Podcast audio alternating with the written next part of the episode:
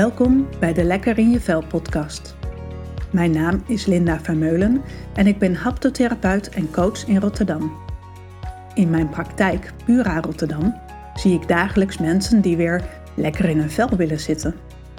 Maar wat is dat dan? En waarom zit je dan nu niet meer lekker in je vel? In deze serie belicht ik thema's waar je zoal last van kunt hebben. Ik ga daarover in gesprek met klanten en collega-haptotherapeuten. Mensen waar ik bewondering en respect voor heb. Dat wissel ik af met afleveringen waarin ik steeds een aspect uit de haptonomie belicht. Luister je mee?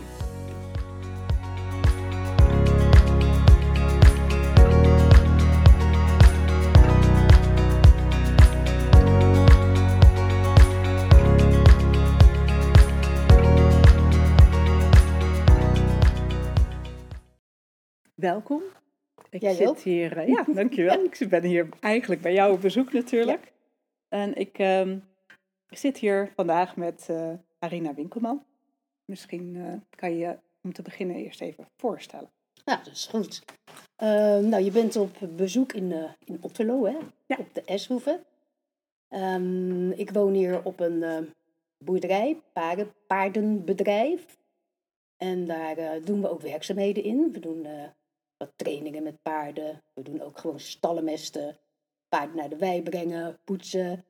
En ik woon hier samen met mijn partner, Peter Zwiers. Daar ga je straks ook nog eh, een eh, gesprek mee voeren, heb ik Yes. begrepen. En op dat paardenbedrijf hebben we ook een zaal gemaakt. En daarin geven we trainingen in eh haptonomie. En dat is vooral voor haptotherapeuten die al afgestudeerd zijn.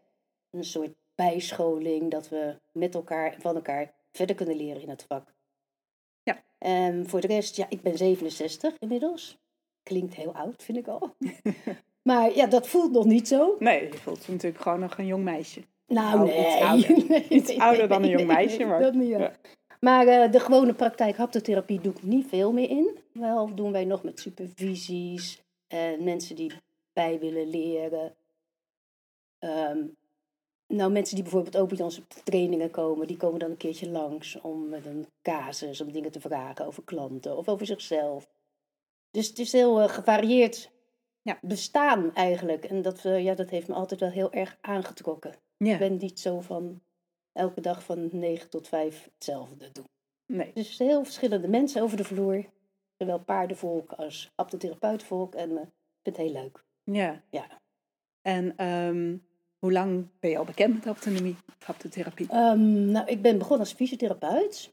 En toen ik klaar was eh, en ging werken in de kinderen, bij de kinderen. In, eh, ik was in de Johannes Stichting bij gehandicapte kinderen. Toen liep ik tegen de beperkingen van het vak aan. Toen dacht ik, ja, dat kan niet alleen maar lichamen bewegen en daarmee dingen doen. Of eh, nou beperkingen die die kinderen hadden, dan moest je dan losmaken met je handen. En ik liep zo tegen tekorten aan. Ik denk, er is veel meer. Die kinderen die zijn ziek. Ze gaan, sommigen gingen ook vroeg overleden ze met bepaalde ziektes. En ik voelde me daar zo'n klunt in. Ik dacht, Ja. nou, ik ga verder kijken. En toen las ik een artikel van Frans Veldman. Dat is ooit de grondlegger geweest van de haptonomie, zou je kunnen zeggen. En die had het over lichamelijkheidsbeleving.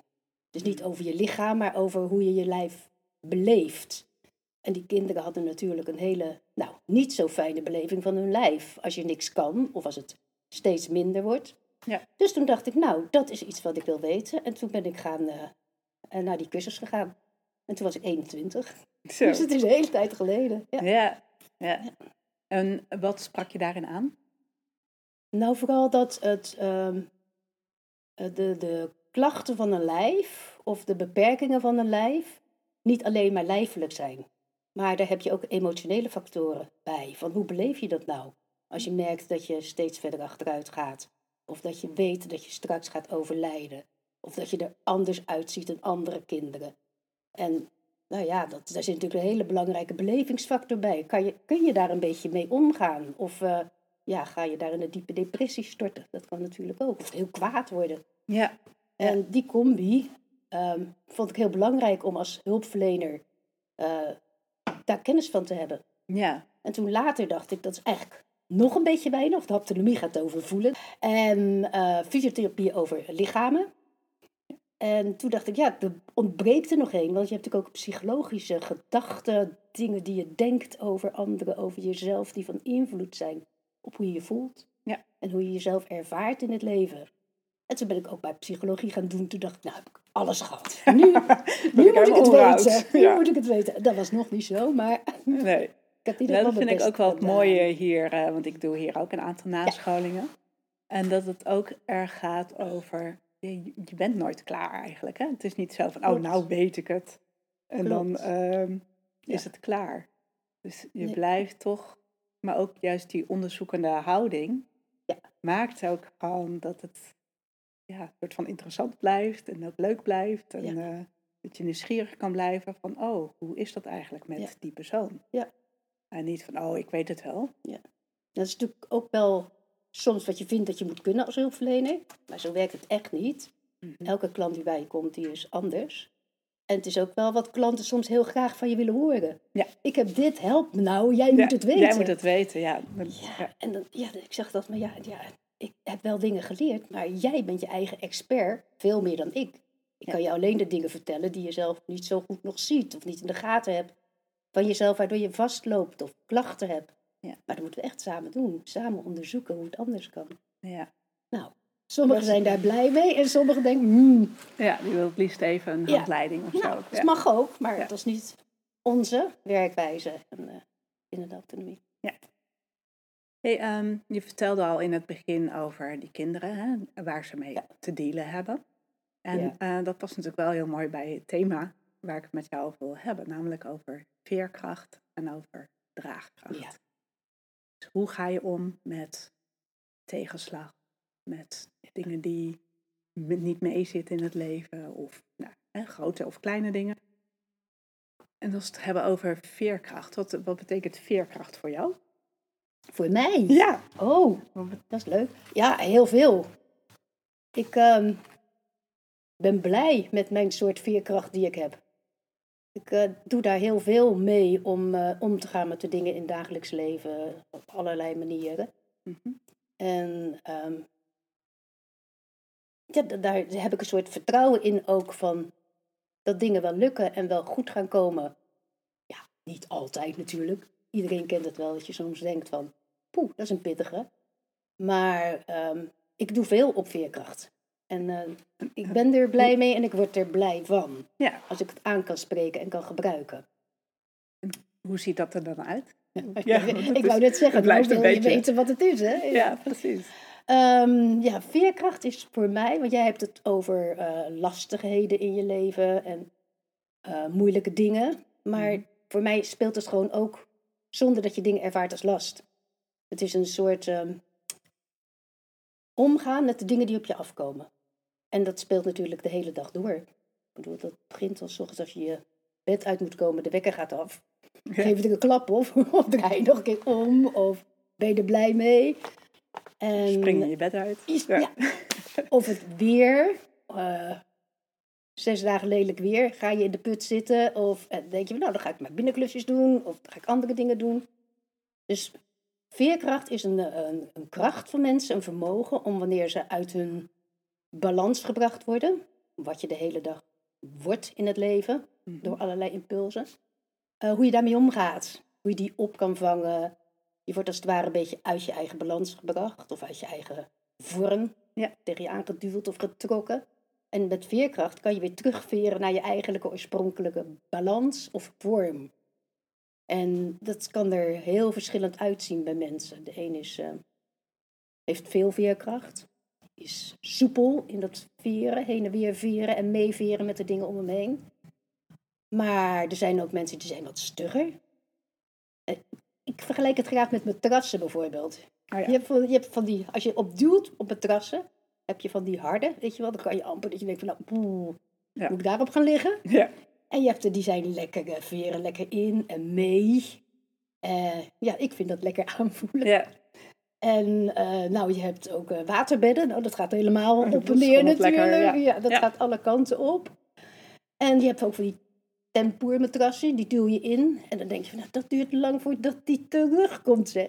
Dat traagschuim. Ja. Ja. ja, zo heet niet voor niks draagschuim. Ja. En dat, zo is dat bij mensen ook. Ja. De een eh, is snel weer in zijn vorm. En de andere heel traag. Die is echt een beetje van de leg als die van zijn balans, uit zijn balans gebracht wordt. Ja. Of als de dingen aan hem of haar gevraagd worden. Dus het heeft allemaal kwaliteiten. Mhm. Ja, maar dat vind ik ook leuk aan haptonomie. Hè? Dus we kijken niet alleen... Mensen komen natuurlijk vaak met eh, dat ze ergens last van hebben. Ehm, maar hoe ze gewoon zijn om met dingen om te gaan, heeft ook kwaliteit. Als je het hebt over veerkracht, hè? Nou, jij bent gelukkig blij met hoe je met dingen omgaat. Er zit ook een grens aan hoor, even voor alle duidelijkheid. Dat ik niet een blij ei ben alleen maar. Nee, nee, nee. Want als je... ehm, eh, die veerkracht, die kan ook tegen me gaan werken op een gegeven moment. En dat herkennen mensen, denk ik ook wel. Want er komen allerlei appellen op je af. En je gaat daarop in en daarop in. En dat bordje steek je in de lucht. En daar vang je wat op. En daar doe je wat. En op een gegeven moment eh, kan je daar ook wel een beetje de weg van kwijtraken. Je, of je heel moe wordt, of je kan op een gegeven moment ook niet meer weten wat je nou eigenlijk zelf wil. Of wat je eigen plekje is. Dus dit, met elke kwaliteit is het wel zo van dat er altijd wel een valkuilenkant aan zit. Ja. En die ken ik ook heel goed. Ja, want hoe ziet dat dan, dan uit? En dan, hè, dan weeg je een beetje op alles Ja. mee wat er op je afkomt. ja, dan ga je dat doen, dan ga je dat doen. Herken dan ga je iets? Nou, ik zit opeens die helemaal bewegen en alle kanten op gaan. Ja. Nou, ik herken dat soms ook wel bij mezelf, inderdaad. Ja, dan ehm, hè, vind ik alles leuk. Ja, En dan ga ik dat doen, dan ga ik dat doen. En dan denk ik, oh, daar een idee. En dan zus en zo. En op een gegeven moment is het gewoon te veel. Maar ook als het niet leuk is soms. Je Ja. bent het zo gewend om te doen, of je te redden een situatie of iets wat er moet gebeuren. En het is wel heel fijn als het dan weer klaar is en de wereld is weer op orde. Maar soms is het ook, doe je ook dingen die je dan echt niet, niet zo heel leuk vindt. En dat Ja. realiseer je dan soms niet zo goed. En dan blijf je toch doorgaan. Dat is het risico, hè? Zoals ik inderdaad, eh, nou, ja, mijn zoon die eh, moest deze week voor het eerst naar de middelbare school. Dus er moest nog van alles geregeld worden. Ja. en dan eh, weet ik veel, zijn telefoon instellen en eh, zijn laptop en eh, weet ik veel het allemaal. Ja, op zich natuurlijk niet echt dingen waar je heel erg blij van wordt, tenminste. Precies. Maar het moet wel Ja, gebeuren, dus ja. dan doe ik dat wel allemaal. Ja, Trek, ik trek het ook zelf naar me toe. Ja, ik ook. Ja. Ja, ja, Ja. ook omdat een bepaalde snelheid mee gepaard gaat, bij mij althans, en bij meerdere mensen wel, zie ik. Dan, je hebt het bijna al gedaan, Ja. je het echt goed in de gaten hebt. ja, maar toch, je moet het toch wel even doen. En op een gegeven moment, ja, vind ik het dan of te veel worden, of dan denk ik van, nou, moet ik het weer allemaal doen? Of, eh, Ja, klopt. dan, eh, ja, dan kom ik in de keerzijde ervan. Word je een beetje over het algemeen, Als je dan denkt, eh, moet ik het weer doen? ja, ik word een beetje, ja, ik kom een beetje in die boze fight. dat. ja. Boos of moe? Ja. Ook een beetje uitgeput word, word ik dan en een beetje, het is een beetje verdrietige kant op. Zo, potverdik is nou niemand die dat ziet dat dat moet gebeuren. ja, Ja, ja, dan word ik weer een beetje boos zo'n combi, ja. Ja, ja. Ja. Maar goed, het En dan hoort allemaal ook bij daar, het leven. ja, precies. En ook daar kan ik dan wel, en dan denk ik nou, dan ga ik een avondje lekker in bad liggen of zo. Of een beetje relaxen. En dan is het ook wel weer Ja. gewoon oké. Ja. ja. Oké, dus dat is voor jou, hè, dat gaat over veerkracht en hoe je ook weer, ook het nadelen van veerkrachtig zijn, zeg maar. Het is ook wel eh, heel, heel ehm, geschikt voor bepaalde beroepen of bepaalde situaties. Als je bijvoorbeeld eh, office manager bent, is het handig als je van allerlei dingen op je af kan laten komen en daar ook op antwoorden. Ja. En daarop reageren. Ja. Dat is dus Bij de zo. eerste hulppost. Ja, Ja. precies. Dus mensen zoeken ook wel vaak eh, zulke soort banen op, omdat je die kwaliteit hebt en fijn vindt om te gebruiken. Dus kom je ook in zo'n soort beroep terecht. Ja. Dan ga je niet eh, achter de kassa zitten alleen de hele dag bijvoorbeeld. Dan, eh, Bliep, Ja. bliep. dus echt, eh, Ja. heb je andere kwaliteiten voor nodig. Hey, en ehm, nou zie ik in mijn praktijk ook mensen die wat minder veerkracht hebben. Ja, Hoe ziet dat eruit? ja, stugger. Wij kijken naar het gedrag van mensen, of hoe ze zich laten zien in de wereld. Ja. Dat, je er eigenlijk, dat wij daar drie componenten in onderscheiden om eh, het werkbaar te maken, zou ik maar zeggen. Mhm. Ehm, hoe iemand beweegt, dus zijn lijf. Hoe iemand denkt en hoe iemand voelt. En die combi die maakt. Ga ik te snel? Nee hoor. En die combi maakt dat eh, je doet zoals je doet. Dus je gedachten, je lijf en je gevoelens. Die vormen jou en die bepalen hoe je omgaat met de wereld. Of hoe je je neerzet in bepaalde verhoudingen of eh, contacten. Mhm. Dus als iemand nou wat minder eh, veerkracht heeft, ja, wat, het is niet weinig of meer. hè. Het is een hele Nee. glijdende schaal. Maar als je wat meer naar de kant gaat van minder veerkracht, dan je bijvoorbeeld lijfelijk voelen, als ze bij jou komen bijvoorbeeld, of Mm. kunnen ze dan zelf ook ervaren, als je op zo'n lijf duwt, dat dat een beetje stugge matras is. Ja.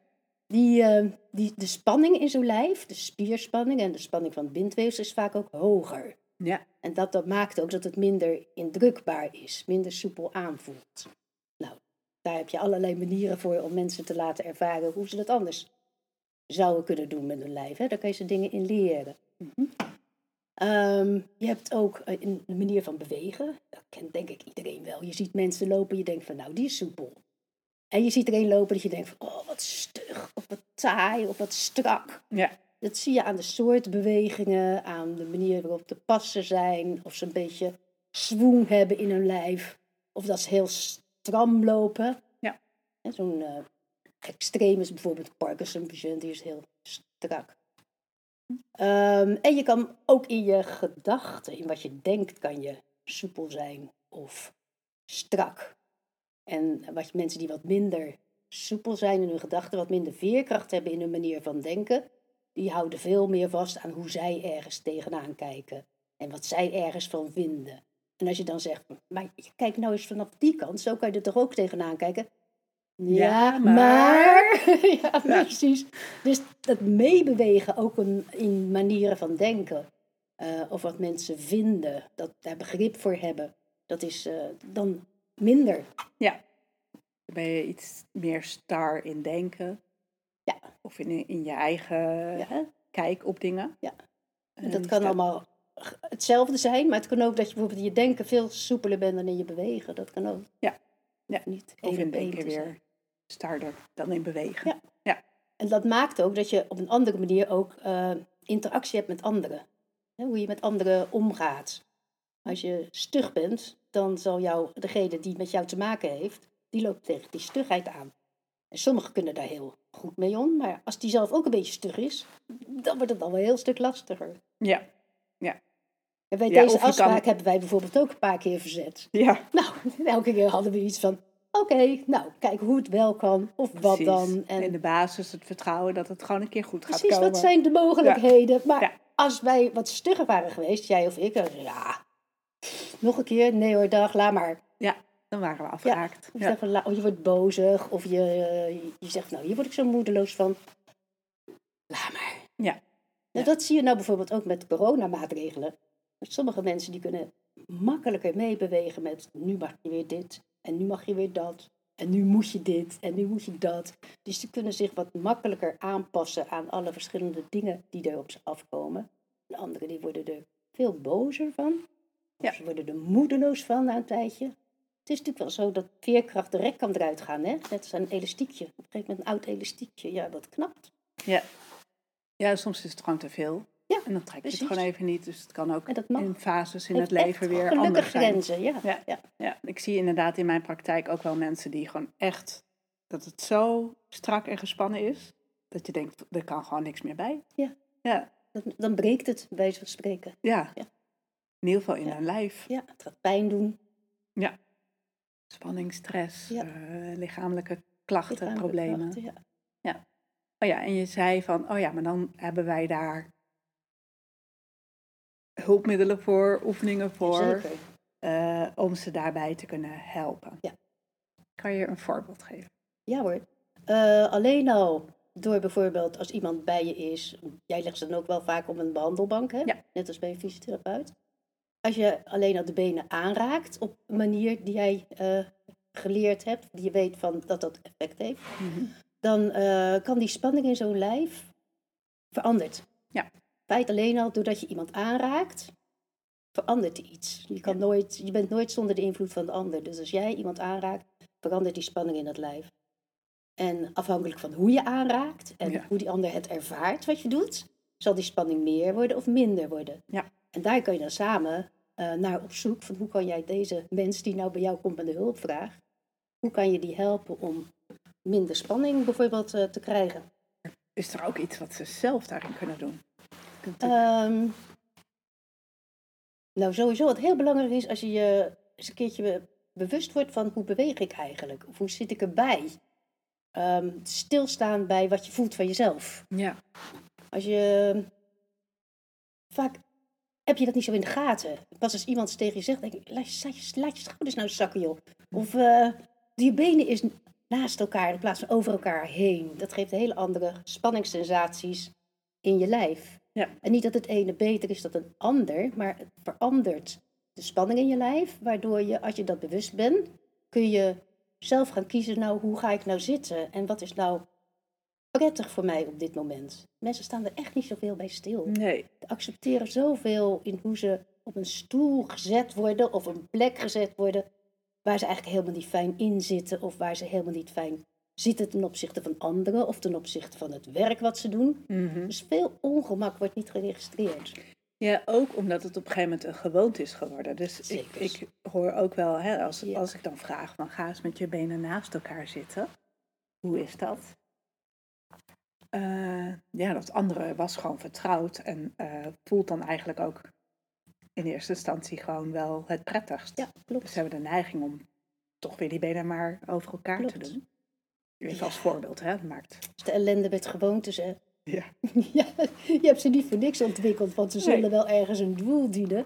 Maar op een gegeven moment als je het niet meer merkt, dan kan het zomaar zijn dat ze tegen je gaan werken. En vaak inderdaad wat je zegt van houding, hoe je zit, Ja. daar zijn ze nog niet eens echt bewust van. Ja. En wel meer waar je tegenaan loopt in het leven. Maar niet van, oh, dat zie je ook terug in houding, eh, de plaats die je inneemt in een ruimte. Oh, dat is al zo simpel dat je dat anders kunt doen. Ja. Inderdaad, hoe je gaat zitten, of je de- tegen de ruggenleding aan gaat zitten of niet, bij wijze van spreken. Als je op de computer bezig bent, ook van die rare dingen. Ja. Of als je in gesprek bent met iemand, hoe smal ga je zitten, of hoe breed uit. Of ga je inderdaad lekker eh, met je rug tegen de leuning aan zitten, of eh, zit je op het puntje van je stoel. Het zijn Ja. allemaal standjes die eh, voor jezelf, die jezelf goed doen of minder goed doen. Qua spanning, wat je wilt. En ook een appel doen op degene met wie je praat. Of wie je samen de klus moet klaren. Die gaat andersom met jou als je wat breder zit. Mhm. Ja, zo simpel is het echt. Of Ja, leuk je wat smaller zit. ja. Dat Ja. maakt echt wel uit. Ja. Maar Eh. soms is het ook heel goed op het puntje van je stoel te zitten bijvoorbeeld. Hè? Als je snel iets wil, ja precies, als je snel iets wil doen. Of Actie, focus, Ja, tjak, als je tjak, de eerste wil zijn. Of ja. eh, de bus wil halen. Ja. ja, ja, ja. ja. Hey, ehm, weer naar eh, veerkracht. ja. Ja, ik ben eigenlijk op zoek van wat, wat is nou een oefening wat mensen zelf kunnen doen. Nou, wat ik zei, bewust Ja. worden. Ja. Sowieso.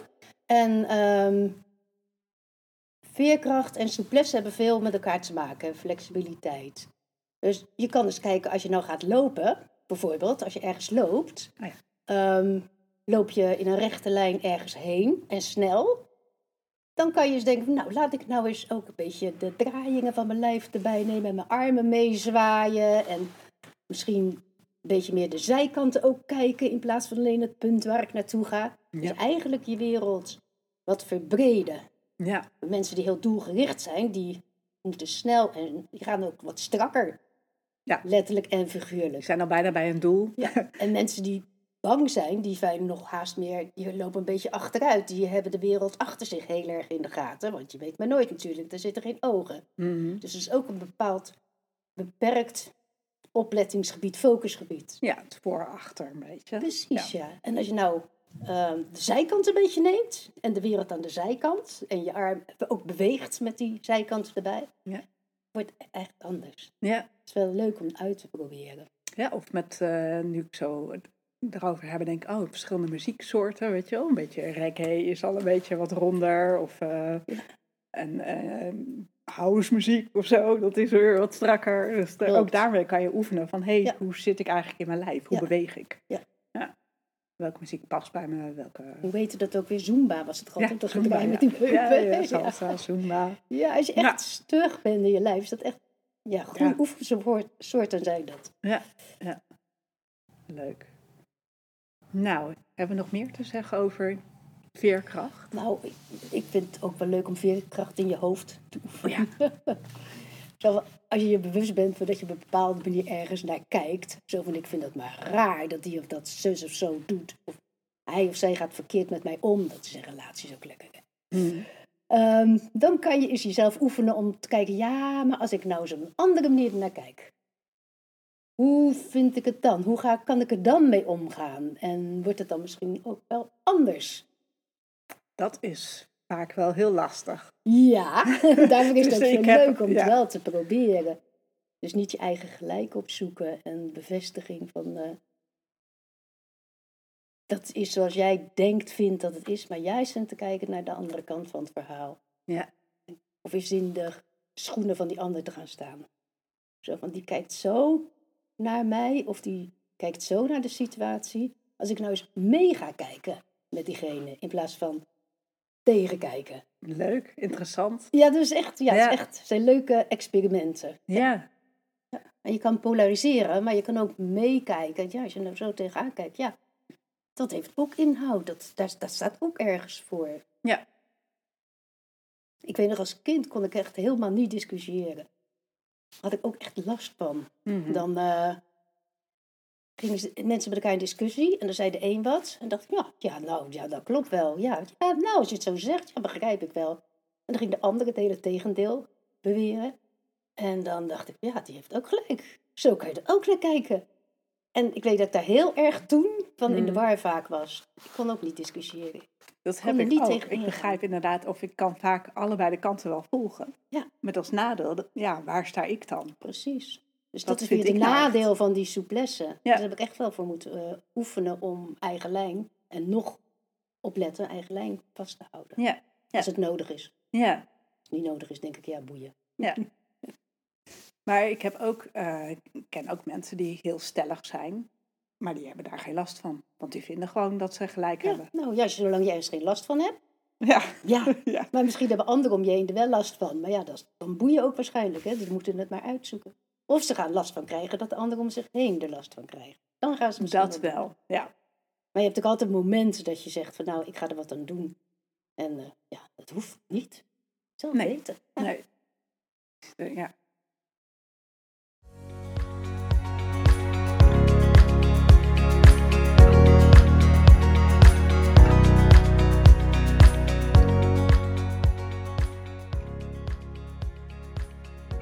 Tot zover mijn gesprek met Arina Winkelman over veerkracht. Hoe zit het met jouw veerkracht? Hoe beweeg je? Hoe denk je? Hoe voel je? Is het wat meer richting het starre en het stugge? Of is het wat meer richting het soepele?